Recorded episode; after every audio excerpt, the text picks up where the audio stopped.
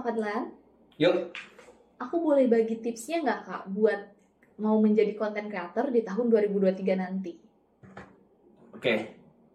Tiga tips aja ya buat Oke. jadi content creator. Yang pertama adalah kamu harus tahu eh, niche kamu eh, itu apa dan kamu fokus dulu di sana. Kebanyakan content creator itu eh, dia ngomongin banyak hal tapi akhirnya jadi nggak fokus gitu dan orang nggak tahu sebetulnya nih arahnya ke mana. Jadi fokus di satu niche, misalkan olahraga, fokusnya di olahraga apa gitu. Kemudian spesifik bahas eh, di sana sampai sukses. Nanti kalau udah baru geser-geser ke yang lain. Itu yang pertama. Yang kedua pastiin kamu bikin konten yang berkualitas tapi nggak cuma berkualitas eh, tapi juga harus relate dan eh, representatif orang-orang karena konten yang berkualitas itu gampang eh, dibuat saat ini ya dan juga eh, everyone can make a good quality content tapi mungkin eh, untuk supaya kamu bisa meningkatkan performa algoritmanya social media harus bikin konten yang relate biar engagementnya bagus gitu. Dan yang terakhir eh, kalau misalkan konten creator ini terkait sama bisnis ya kamu harus bisa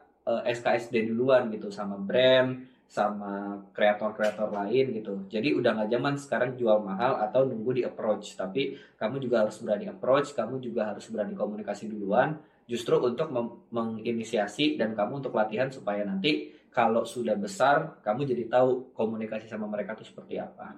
Dah itu aja tiga. Oke, terima kasih banyak Kak Fadlan untuk tiga tipsnya. sama-sama